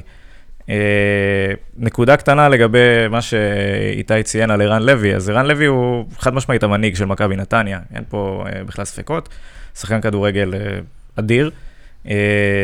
לכל אלה שתהו, רץ אה, 8.4 קילומטר במשחק שזה, אז זה לא 83 אחוז בהליכה או, או כל הדברים האלה, אז מבחינת קילומטר על המגרש הוא לפחות עושה את שלו. אה, לא, ועם זאת, אחרי שאמרתי את כל זה, לא בושה אה, לעשות חילוף ולהוציא אותו בזמן הנכון. אין לו אה, גם בעיה לצאת, זאת אומרת, הוא הייתה- הוא מבין את זה, הוא הרבה פעמים יוצא ונראה כאילו, כאילו הוא תכנן את החילוף נשען על הזה. הספסל ורק אומר, תיקחו אותי מכאן. לא, הייתה, הייתה הרגשה שהחילוף שלו במשחק הזה היה, אה, הגיע טיפה מאוחר מדי, אה, מה שקצת הוריד גם האינטנסיביות של מכבי נתניה, כי בסופו של דבר חלק מהשיטה זה לכסות על זה שערן לוי לא באמת עושה הגנה אה, רוב הזמן. אה, אבל כן הוא מטריף את הקבוצה, כן הוא דוחף את הצעירים, כן הוא מנווט. אה, אני חושב שבהתייחסות רגע ספציפית על המשחק, אז מחצית שני ראשונה זה היה באמת היותר בולט. ההצטרפות שלו כשחקן חופשי לאמצע דווקא, והניווט של המשחק משם, כמו איזה קוורדרבק, אם אה, נעשה לזה הגבלה. אה, זה באמת מה שדחף את המשחק של נתניה להיות יותר מגוון, אם זה היה רמות מהצדדים, אם זה היה בעיטות אה, מהמרכז וכיוצא בזה. מחצית שנייה, באמת, במקרה שלו זה כנראה באמת עניין של כושר. אה, אבל ברגע שזה ירד, אז זה פגע בנו בצורה מהותית. אני, אני רוצה משהו על ערן לוי, אני לא יודע כמה מהאנשים יצא לראות אותו, שחקן נוער במכבי חיפה, חלוץ במכבי חיפה בנוער. אני אני, החזיק כמה וכמה שנים בשיא השערים לשחקן בעונה אני בנוער. הימרתי שזה יהיה משהו שעוד לא ראינו כאן, אני עושה הרבה כבוד לרפאלוב, גם אותו ראיתי כשחקן נוער, לבן בסט, שחקנים, לתומר חמד, ראיתי את השחקנים האלה כשחקני נוער, שיחקתי נגד חלקם. ערן לוי יכול היה להיות כוכב הכדורגל בקנה מידה ישראלי, יש לו נתונים אדירים, הוא שחקן התקפה מהיותר טובים שראיתי, הוא יודע מה לעשות באזור הרחבה, יש לו הבנה עיוורת, הוא בועט בשתי רגליים בצורה מצוינת, הוא שחקן מעולה. מנטלית, קצת מאוחר לעבוד איתו, הוא יכול לעשות עונה אחת טובה, עונה וחצי, הוא לא יהיה שחקן נבחרת כמו שרצינו שהוא יהיה, הוא יכול היה להיות שחקן אדיר. השנים המוקדמות שלו פגעו בו, המיתוג הלא נכון, ההתעסקות בטפל. הוא עכשיו עושה איזה, חווה איזה מין רנסאנס כזה בשנה, שנה וחצי לא, זה האחרונות. לא שנה, אבל מאז שהוא בנתניה, ההתבגרות המנטלית שלו, הסרט הקפטן, שינה אותו. אני אדבר ברמה, ברמת צמרת ליגת לעד, לא ברמת ליגה לאומית, אבל לצערי זה קצת מאוחר מדי כדי לעשות את לא, הקפיצה. עדיין עושה קריירה יפה ברמה הישראלית, אין בן אדם שלא יודע מי זה ערן לוי, ערן לוי הוא עושה אחלה, ולא תמיד צריך, אתה יודע, לא כל אחד עם היכולות שלו, לא תמיד כל מי שבולט בנוער, הוא מצליח לעשות קריירה גדולה, וראינו, והרבה פעמים להפך, ראינו את ערן זהבי שהיה שחקן נוער, שאף אחד לא זכר מה הוא עשה. אה, אני רוצה להתחיל להתקדם, יש כן שאלה שקיבלנו מה, מהגולשים שלנו, מליוז אקירב, בדף הפייסבוק שלנו, ורוני, אני רוצה לפתח את זה איתך, הפועל עכו, עדיין יש את הסיפור הזה של, אה, לפי מה שאנחנו מבינים, של אה, הלנת שכר, וש- שהשחקנים מנודים שלא מקבלים שכר שם, ואתה יודע, אנחנו אחד מהבמות האלה, אנחנו כן נגיד שאנחנו לא מכירים מספיק את הנתונים, אנחנו ניזונים מדברים שקורים בתקשורת, או בפייסבוקים של כל מיני שחקנים. מה בכלל היכולות של... מי צריך להתערב שם? אני חושב שאולי, אה, מכיוון שאנחנו לא מכירים את הנתונים, אני גם מודה שעד היום אני לא מצליח להבין איך הבקרה התקציבית עובדת, או מה היא עושה, או איזה כסף היא לוקחת, או מה תפקידה בעולם בכלל. אז נגיד אתה פחות מכיר אותם, אתה אומר. כן, שלום שלום. אני מת לדעת מה קורה מבחינה מה ניהולית. שכן, ה- ה- מי שעומד בראשה הוא סלב העל של הכדורגל הישראלי ביולי-אוגוסט, אה, תמיד, והם עושים כל כך הרבה רעש, ואני עדיין רואה את התופעות האלה חוזרות וחוזרות וחוזרות. אני חושב שהגיע הזמן, ואגב, זה תקף לכל אספקט בעייתי בכדורגל הישראלי, אה, שלמרות שמערכת המשפט שלנו, אה, וזה הולך יוצא של משפטי פה, כן? אה, תמיד הולכת על כללים ופרשנויות וזה. הכדורגל הישראלי צריך להיות מאוד מאוד חד. ההתאחדות לכדורגל יש לה את הכוח לנהל יש לה בתי דין משלה, יש לה סמכויות משלה, היא צריכה לקבוע עבירה ועונש. קבוצה משלמת משכורות, הורדה של איקס נקודות. בלי שיקול דעת, בלי דיון, בלי כלום. תקף גם לגבי הרחקת אוהדים ממשחקים. הגיע הזמן להכניס ודאות לכדורגל הישראלי, כי תמיד זה מרגיש שהנה נותנים לקבוצה עוד הזדמנות, הנה זה בסדר, ותמיד הסמוך על סמוך על זה, אני בטוח שזה משפיע גם לקבוצות. אומרות יאללה, במקום המינוס בבנק, ההתאחדות תוותר לנו מתישהו. אחרי הפועל תל אביב בשנה שעברה זה כבר ממש ממש נמאס, בטח אחרי שכל פעם שהיא פושטת רגל היא מחתימה עוד 47 שחקנים, 47. אה, מה אפשר להגיד על התופעה הזאת? אנחנו מסכימים, אין לזה מקום, ואני, אתה יודע מה, אני מאוד מאוד מצטרף למה שאמרת, דברים חוקים צריכים להיות ברורים, למען יראו וייראו, אז אני שמח שהקדשנו את השנייה הזה. בואו נסכם את, ה, את המחזור הזה, שחקן המחזור, שי? בוריס קליימן. אלון תורג'מן. קליימן. קליימן. בני בן זקן. אה, התופעה, יש איזו תופעה מעניינת שעליתם עליה במהלך השבוע? אני חושב שיש לנו, אה, שי אמר שזה לא נכון מקודם, אבל יש לנו המון משחקי עונה, ואתם יודעים מה, לא נקרא להם משחקי עונה, יש המון משחקים מעניינים. הציניקנים יגידו שזה בגלל שהרמה של הגדולות ירדה, אני בהחלט חושב שבטן הטבלה, ואגב, זה קבוצות שהיו בתחתית או בליגה שנייה עד לא מזמן, מאוד מאוד השתפרו, הפכו מאוד מאוד טקטיות.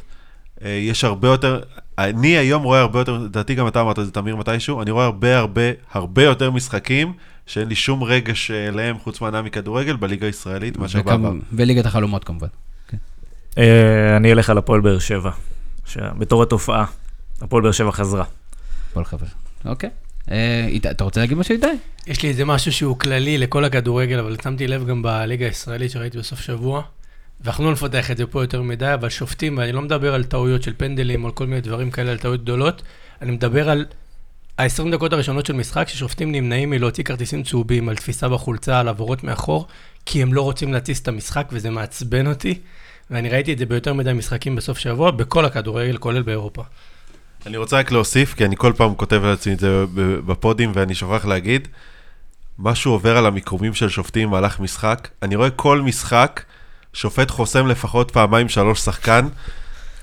זה לא התירוץ לעובדה שאנחנו לא מגיעים למצבים, אבל זו תופעה שכבר אי אפשר להתעלם ממנה, תשימו לב. יפה, אז הנה, אז אה, בואו תרים את הכפפה, יש לך עכשיו את הנתונים של המינהלת, ורוני כהן פבון יעשה לנו בטור הבא שלו למינהלת את אה, טבלת המיקומים של אה, שופטים. מפת החום. מפת חום לשופט. משהו קטן על תופעה מבחינתי, המחזור הזה עם המפגש של הגדולות אחת מול השנייה, קבוצת הצמרת, המחיש לי שאני לא יודע מה קורה בליגה מחוץ ששת הקבוצות האלו. אף פעם לא יצאת מבאר שבע. אני גר בגבעתיים.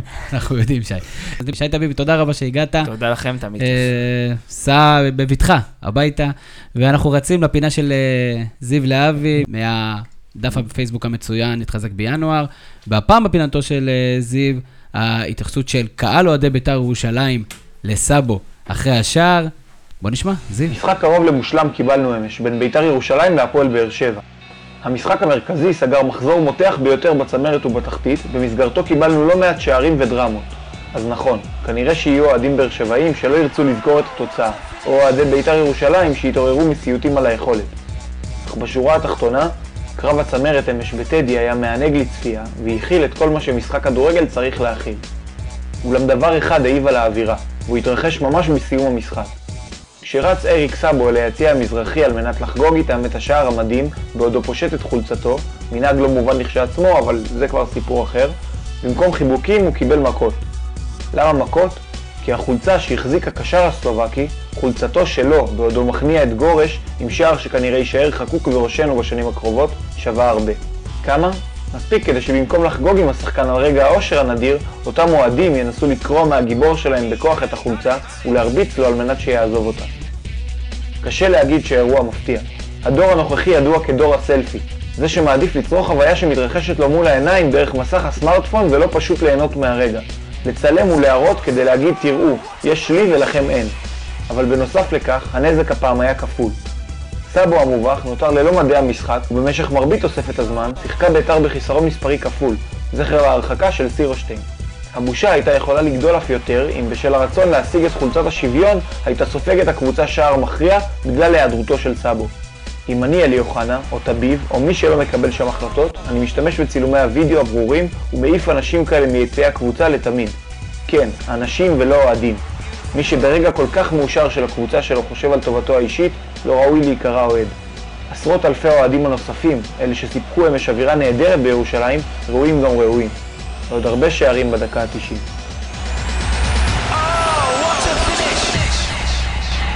רוני, תן לי התייחסות לזה, אנחנו מסכימים עם זה? לחלוטין. אה, זה תמיד מזכיר לי, זה זה הזכיר לי אתמול בצורה משעשעת, את אה, פעם היה דקה 91, וכל פעם ראית את הקטעים המשעשעים, תמיד היה מישהו שהכדור היה עף אליו, הוא היה שם אותו בין הרגליים ומחביא אותו מאחור. אז אז היה מצחיק. לחטוף לשחקן אה, חולצה מהיד קצת פחות מצחיק אותי, בטח שזה משבש את המשחק, היה גם את כל ההתעסקות אחר כך. הבחור הזה זוהה, ואמרנו למען יראו וייראו, אני בעד גם במקרה הזה. דניאל, תן לי איזה, אתה יודע, אתה, אתה, שחק, אתה אוהד כדורגל, כן. יש לך חולצה של הכוכב שלך שבדיוק כבש שער דקה 92 ביד, אתה גם נתניאתי, אתה מחזיר לו את החולצה? מחזיר לו, מחזיר לו. כן? אבל אה, האמת שהקטע המצחיק פה היה שכאילו, הסיפור הזה שהוא היה צריך לרדת לחדר הלבשה, אז אם היית חוטף גול ב, ב, בדיוק בשנייה הזאת שהוא הלך להביא את זה בתור אוהד, זה היה, איך היית מרגיש? כן, ובוא בוא- בוא רק נוסיף נתון, הם היו בעשרה שחקנים, וכשסאבו היה בחוץ, הם היו בתשעה שחקנים. כן. שהם בשתיים-שתיים והמשחק נגמר. נכון, זיו התייחס לזה. אז uh, תודה רבה לזיו להבי עם הדף הבאמת מעולה, נתחזק בינואר, אם עדיין לא עשיתם לזה לייק, זה הזמן. ועוד משהו שצריך לעשות לו לייק, זה התחייה של הליגה האיטלקית. Uh, איתי ארליך הדוטורה, ארליך איתי, uh, קודם כל תספר לי, יש באמת דחייה בליגה האיטלקית, או סתם פשוט קצת מעניין וכל שאר הליגות משעממות, אז, אז פתאום אנחנו מסתכלים על הליגה האיטלקית. קודם כל, ברור שבאופן יחסי, שרואים שהליגות האחרות, אה, בוא נגיד, נסגרות, או בוא נגיד, יש פער גדול בצמרת, אז אה, מסתכלים על הליגה שמאוד פתוחה. אה, הליגה האיטלקית, כן, יש, יש תחרות שם, יש כמה קבוצות בצמרת, אה, מאוד צמודות, זה לא, זה לא מבטיח שזה יישאר ככה, אבל כשמדברים על דחייה של הכדורגל האיטלקי, אה, בהתחשב בזה שאיטליה הודחה נגד שוודיה וכל הפרשות של השחיתות, אז הדברים היפים שבאמת אה, יש בליגה האיטלקית אה, קצת תחרות, אה, ובאמת יש כמה סיבות ל- לדחייה הזאת, גם מבחינת תחרותית, מבחינת נקודות, מבחינת המשחקים. והסיבות הן, קודם כל, ממוצע הצופים גדל בגלל שהרמה של האצטדיונים קצת משתפרת. אה, קבוצות, הקבוצות האיטלקיות הבינו שהבעלות על אצטדיון, קודם כל מכניסה כסף, וחלק מהקבוצות כבר רוכשות את האצטדיונים, משפרות את, ה, את המתקנים, את הרמה, אה, אז קודם כל הן אה, מבינות שמגיע יותר קהל בשנה האחרונה לאצטדיונים. יש לנו מספרים? בוא נגיד שבשנים האחרונות הממוצע היה 22 אלף, ועכשיו השנה עונה בסביבות ה-25-26, 26 אלף, ו... אבל התפוסה מתחילה לגדול, בוא נגיד שרומא עוד הולכת לבנות איצטדיון, ועוד כמה קבוצות הולכות לבנות איצטדיון, וזה לשפר את התנאים, וכולם מכירים את התמונות בליגה האיטלקית שיש מסלול ריצה, זה כמו איצטדיון רמת גן כזה, אז כמו ש...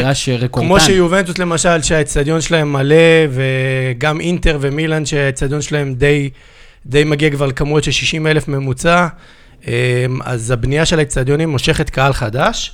זה עדיין לא מספיק, זה לא הכדורגל האנגלי והגרמני, אבל זה ב- בגידול. זה, זה מבחינת הרמה של האצטדיונים ברמה הטכנית. שגם, ה- ברמה... אם אפשר להשחיל מילה, אני אגיד שסוף סוף כאילו יש התייחסות לזה כאל מוצר, אה, ולא רק ככדורגל. זאת אומרת, מבינים שהעטיפה ומה שמסביב חשוב לא פחות. אתה בא למכור מוצר. אני חושב שגם במינהלת שלנו מתחילים לעשות את זה, שם זה הרבה יותר בולט. נכון. בואו נדבר קצת על קבוצות, אה, בואו נתחיל מיובנטוס. טוב, יובנטוס, אה, נכון שבינתיים אה, היא קצת ככה מגמגמת, אבל בסך הכל אני חושב שאלגרי, ואנחנו צריכים לזכור שבכלל בכדורגל האירופית, המאני טיים הוא באפריל ובמאי, ואני חושב שמה שאלגרי עושה כרגע ביובנטוס זה, זה סוג של אה, להשאיר הרבה שחקנים חמים, והוא עושה תחלופה מאוד גדולה, והוא רוצה להשאיר גם, גם את השחקנים החדשים שהגיעו לשלב אותם, וגם את השחקנים הוותיקים. והוא רוצה ליצור אה, סגל מאוד רחב, אה, בניגוד ל... בוא נגיד, אחר כך נדבר קצת על נפולי, ששם הסגל קצת, קצת יותר קצר, אה, אבל אה, יובנטוס באמת בינתיים אה, צריך לזכור שקודם כל, מבחינת תוצאות, הם עדיין בתוצאות טובות, פשוט נפולי ואינטר בריצה מושלמת. אה, וגם, מ- אם, אם אנחנו מתייחסים רק לסיום, לעניין של הניקוד וההצלחה, יובנטוס בסוף דיבלה החטיא שתי פנדלים, גם נגד אטלנטה בדקה ה-90 וגם נגד לאציו. ועם שתי הפנדלים האלה, אני נשמע כמו גיא לוזון, כן? אבל עם שתי הפנדלים... צריכים 20 עם שתי אפס. הפנדלים האלה, יובנטוס במקום הראשון, וזאת אומרת שבסוף אנחנו צריכים לזכור שבכדורגל ההבדל של פנדל אחד או איזו שריקה אחת לא טובה, אה, יובנטוס עדיין אה, רצה חזק.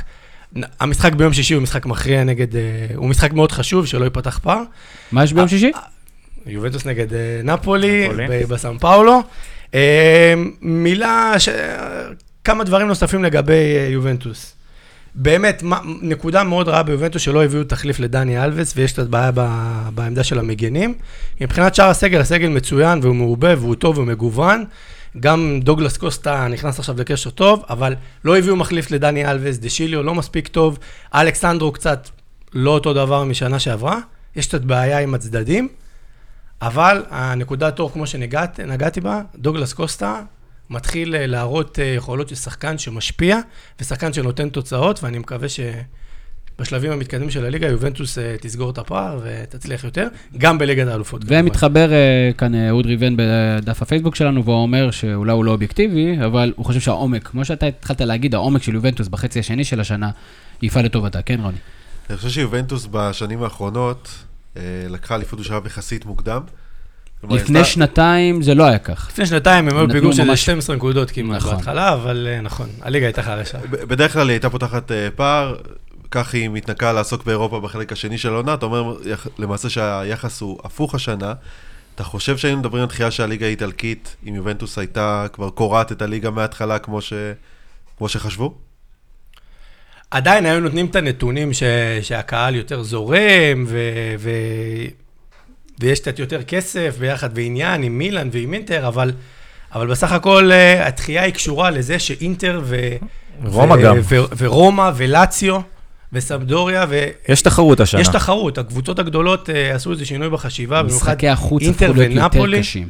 אינטר ונפולי, אנחנו נדבר על זה בהמשך, על שניהם, שתי הקבוצות האלה, אה, אבל כן, זה קש- זה קשור לקבוצות האחרות, זה לא קשור דווקא ליובנטוס. כן, הקבוצה של הקיץ עדיין מגמגמת, דניאל, אתה בתור אוהד אה, מילאן, אנחנו שומעים אה, יותר ויותר, אתה יודע, זה מצחיק שאתה אוהד של מילאן ואוהד של אה, נתניה, ויש לך גם את אליהו אליהו, ועכשיו גם כן את מי? אה, ג'אן ווי ג'אן? ווי הוא. יאן יאן. יאן יאן.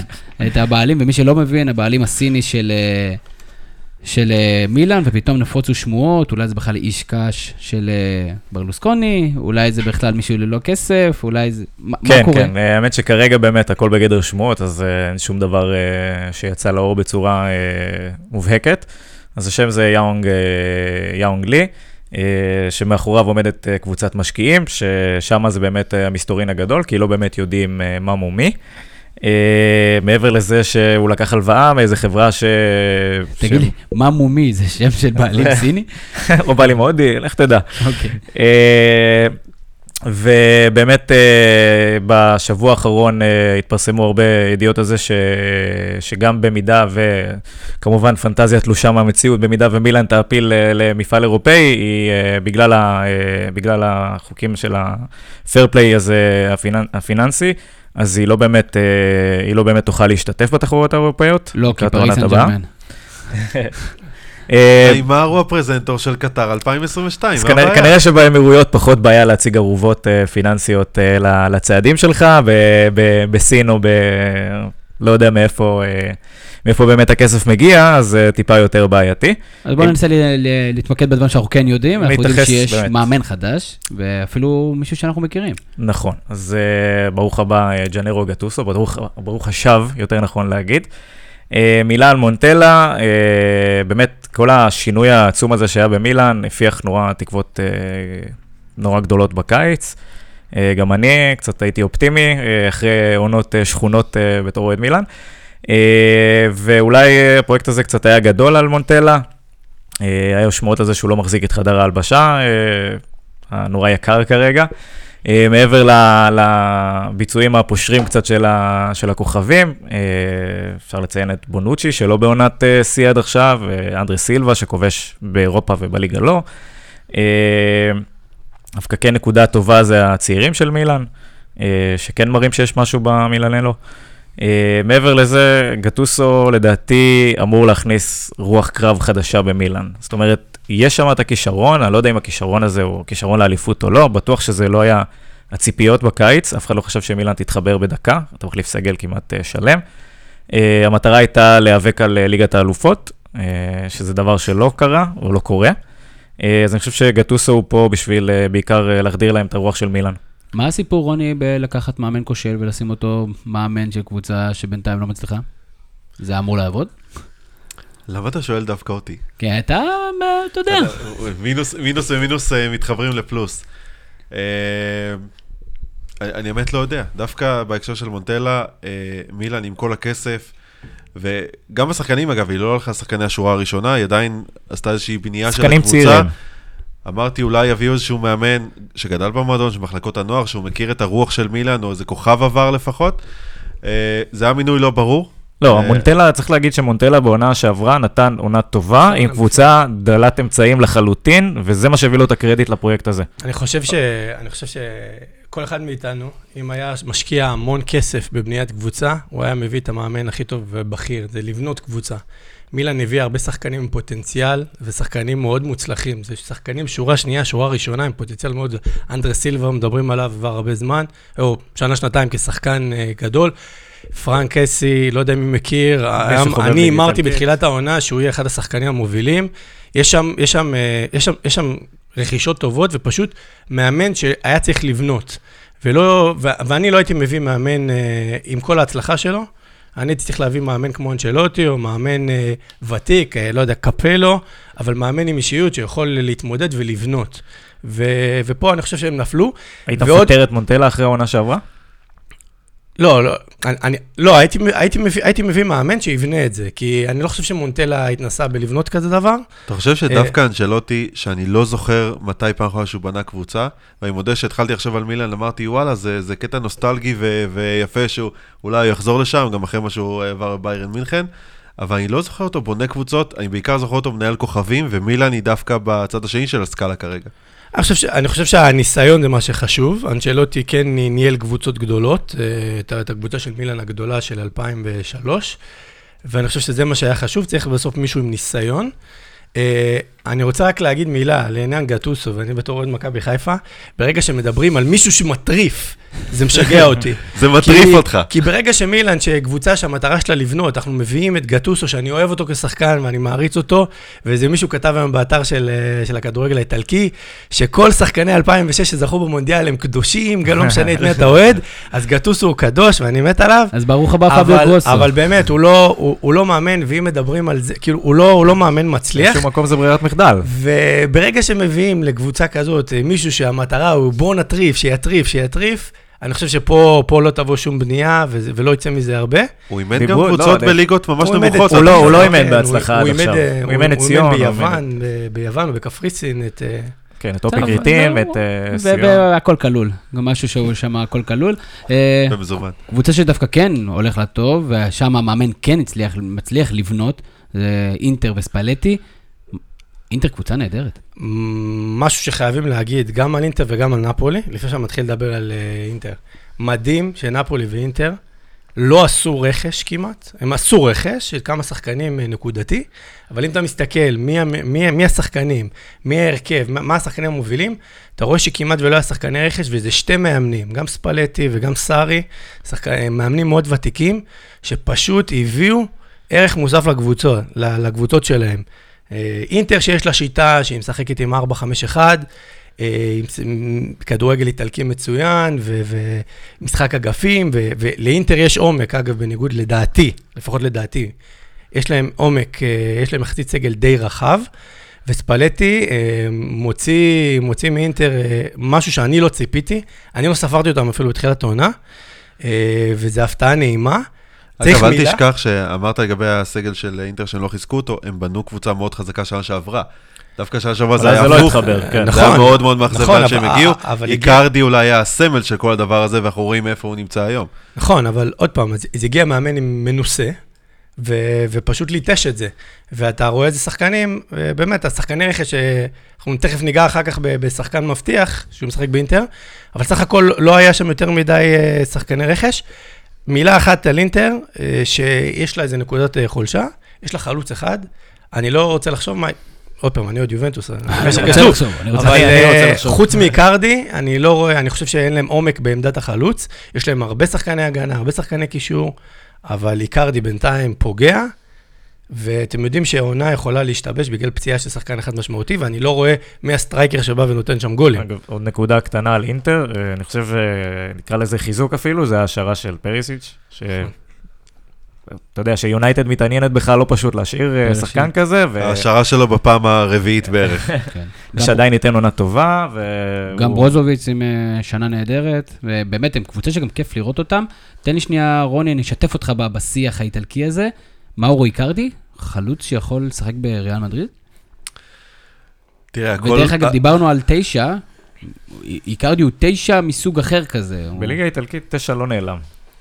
אה, נכון, אה, דווקא ביובה, זו היגואין. זו אולי הקבוצה, כן, אבל אה, היו תקופות ביניים, וגם היגואין לא בדיוק משחק את התשע שהוא משחק בנפולי וריאל מדריד לפני כן. אה, איקרדי לריאל מדריד, לא נראה לי.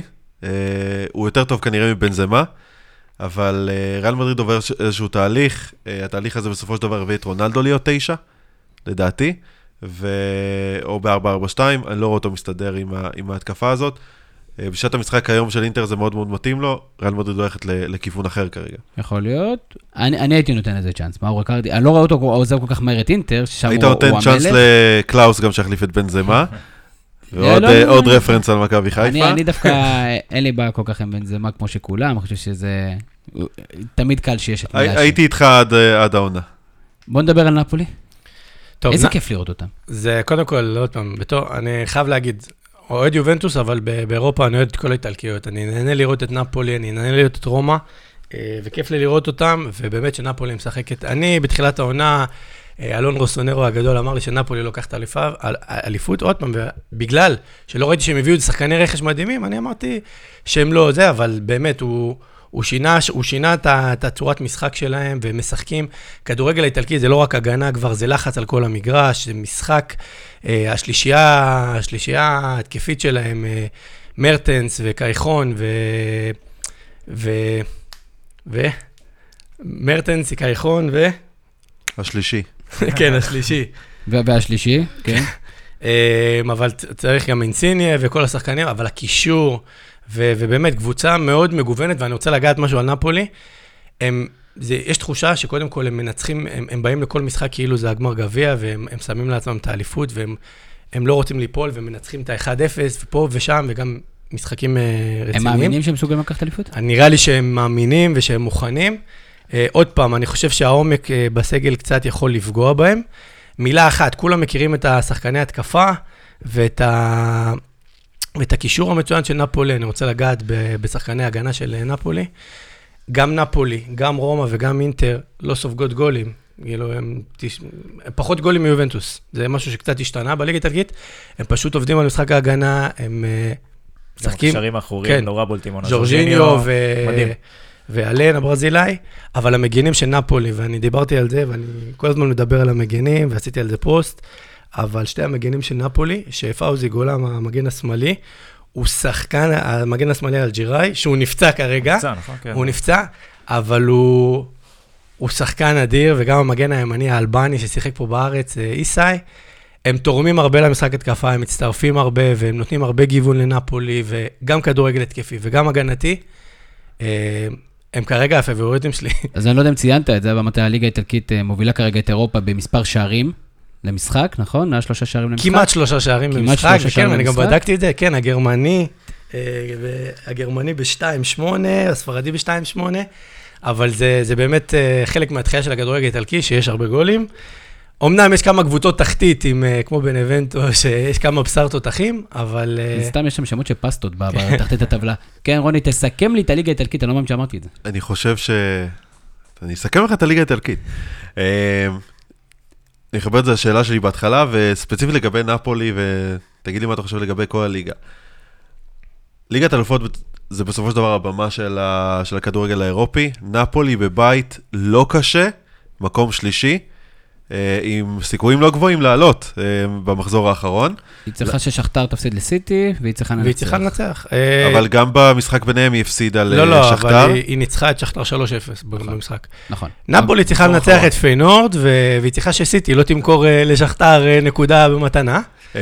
ועדיין אני, אני לא רואה את ההתקדמות שלהם בהקשר הזה, אתה רואה את הקבוצות, אם זה המדד שאנחנו רואים איך אה, ליגה מתקדמת, הקבוצות האנגליות חזרו בסערה, הספרדיות, uh, אתלטיקו מתחת לרומא, אבל uh, עדיין במקום שלהן.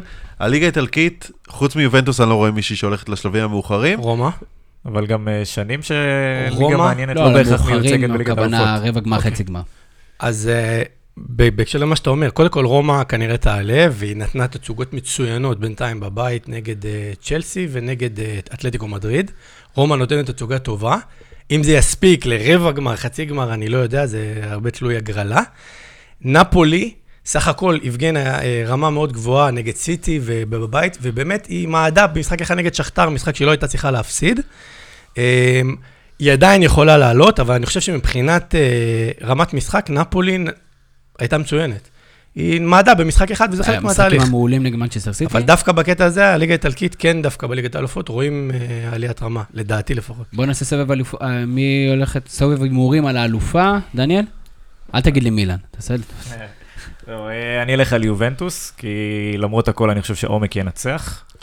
אה, אז אה, זה הבחירה שלי. רוני? יובנטוס מרדימה את הליגה, אבל תטרוף אותה בסוף העונה. איתי, תתן לי משהו. רוצה להגיד יובנטוס, אבל נפולי זה נראית השנה שלה, הם אה, באים לכל משחק עם הרבה יותר רעב, ו... וגם עכשיו עם ארבע הפרש, ומשחק בסאו פאולו ביום שישי, שהם באים במומנטום יותר טוב, צר לי להגיד, אבל נראה לי שנפולי. אני אלך על אינטר. אתם לא יודעים, אני אוהד אה, אינטר משנת 89, מהתקופה שהיה את אה, אנדריאס ברמר, יורגן קלינסמן ו... ולוטו מתאוס באינטר. ואני אלך עם אינטר, כי מה אכפת לי, אף אחד לא יזכור את זה. ואם אבל שמעת אנחנו שידור נזכה- בטרנזיסטור. אבל אם אנחנו נזכה, אז אה, אני אוכל להוציא את זה מהבוידם. אז אה, אחלה דיון על הליגה האיטלקית, אנחנו מתקרבים לסיום, אנחנו רוצים להתחיל עם התודות, ויש לו לא מעט. אז אה, קודם כל, תודה, בר... תודה רבה לברק קורן, שהצליח לעשות לנו הפקה עם וידאו ו...